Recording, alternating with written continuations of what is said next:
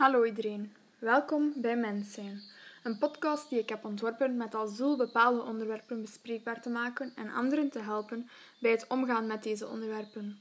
Mens Zijn gaat dan ook over thema's waar we als mens mee te maken krijgen, zowel positieve als minder positieve.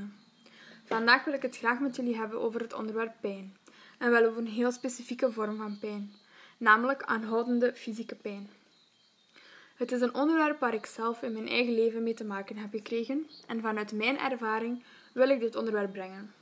Niet met de bedoeling om medelijden te wekken, maar om anderen te helpen, al was het maar één persoon.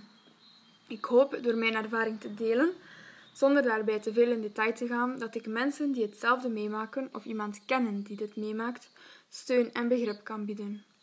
Want ik weet namelijk hoe verschrikkelijk het is niet begrepen te worden, maar daar kom ik straks op terug.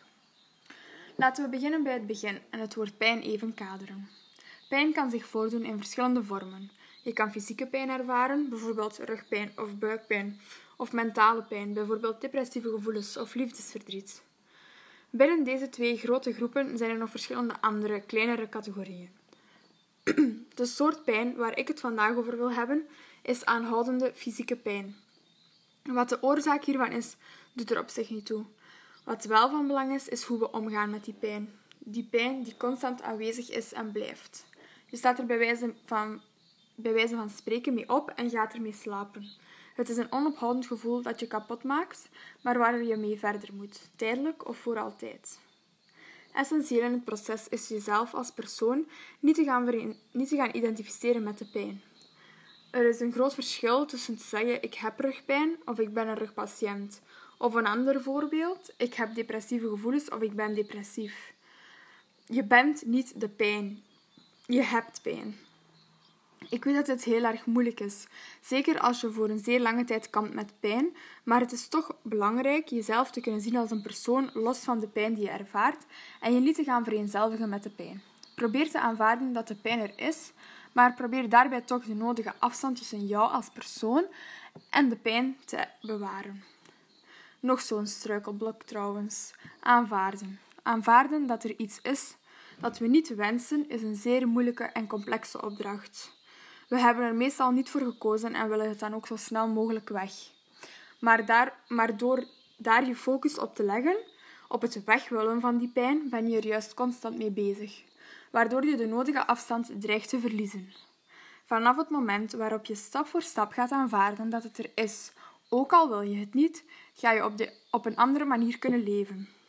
Daarbij kan het een hulp zijn om te kijken voor jezelf naar dingen die, wel, die je wel nog kan en die je wel nog bent. In plaats van de zaken die je misschien in mindere mate bent of kan of helemaal niet meer kan. Maak voor jezelf op papier in je, in je telefoon of in je hoofd een lijstje met alle dingen die wel kunnen en die je geluk brengen. Om een voorbeeld uit mijn eigen leven te nemen, ik kan momenteel niet meer sporten zoals ik dit vroeger deed. Maar ik kan wel nog gaan wandelen, fietsen en zo verder. Ik heb er zelfs een nieuwe hobby bij.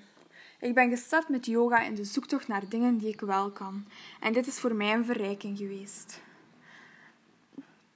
Ondanks alle negatieve kanten van pijn, kunnen er dus ook positieve gevolgen uit voortkomen.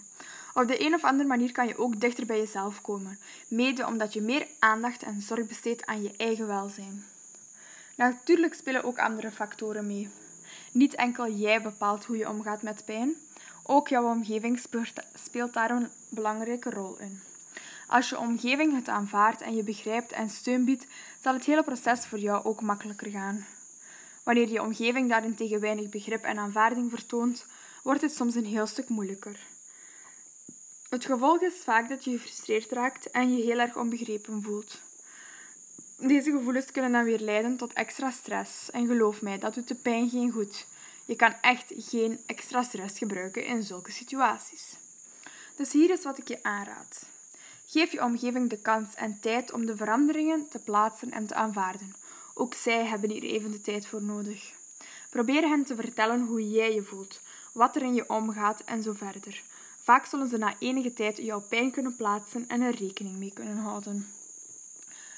Natuurlijk zijn er ook mensen die zich heel moeilijk kunnen verplaatsen in iemands situatie. Als ze daarbij zelf nog nooit geconfronteerd zijn met ernstige pijn of ziekte, zullen zij veel minder begrip en aanvaarding kunnen opbrengen. De enige raad die ik jou in zo'n geval kan geven is: stop met begrip, stop met begrip te proberen krijgen van hen en stop met het uit te leggen wat je doormaakt, want zij zullen het echt nooit volledig begrijpen. Verspil je energie daar dan ook niet aan en laat het aan je voorbij gaan. Je hoeft je niet te verantwoorden.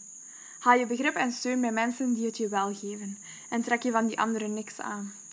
Je hebt ze de kans en tijd gegeven om jouw situatie te begrijpen en als ze dat niet kunnen, dan is dat maar zo.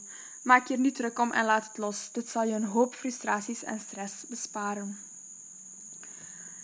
Als laatste wil ik nog zeggen dat hoop heel erg belangrijk is. Geef nooit de hoop op, want dan verlies je sowieso. Ook al weet je bijvoorbeeld dat de pijn nooit meer zal weggaan of zal toenemen doorheen de tijd, toch moet je nog steeds hoop hebben. Je kan hopen dat je elke dag een beetje beter met de pijn kan omgaan. Je kan hopen dat je elke dag wat dichter bij jezelf komt. Je kan hopen dat je andere mensen kan steunen die hetzelfde doormaken. Je kan hoop hebben in heel kleine dingen, maar het is belangrijk dat die hoop er is. Ik zou waarschijnlijk nog verschillende zaken kunnen vertellen, maar ik heb het gevoel dat ik de belangrijkste punten vanuit mijn eigen ervaring heb aangegeven. En ik hoop, daar is die hoop alweer, dat ik iemand heb geholpen in zijn of haar proces. Bedankt om te luisteren.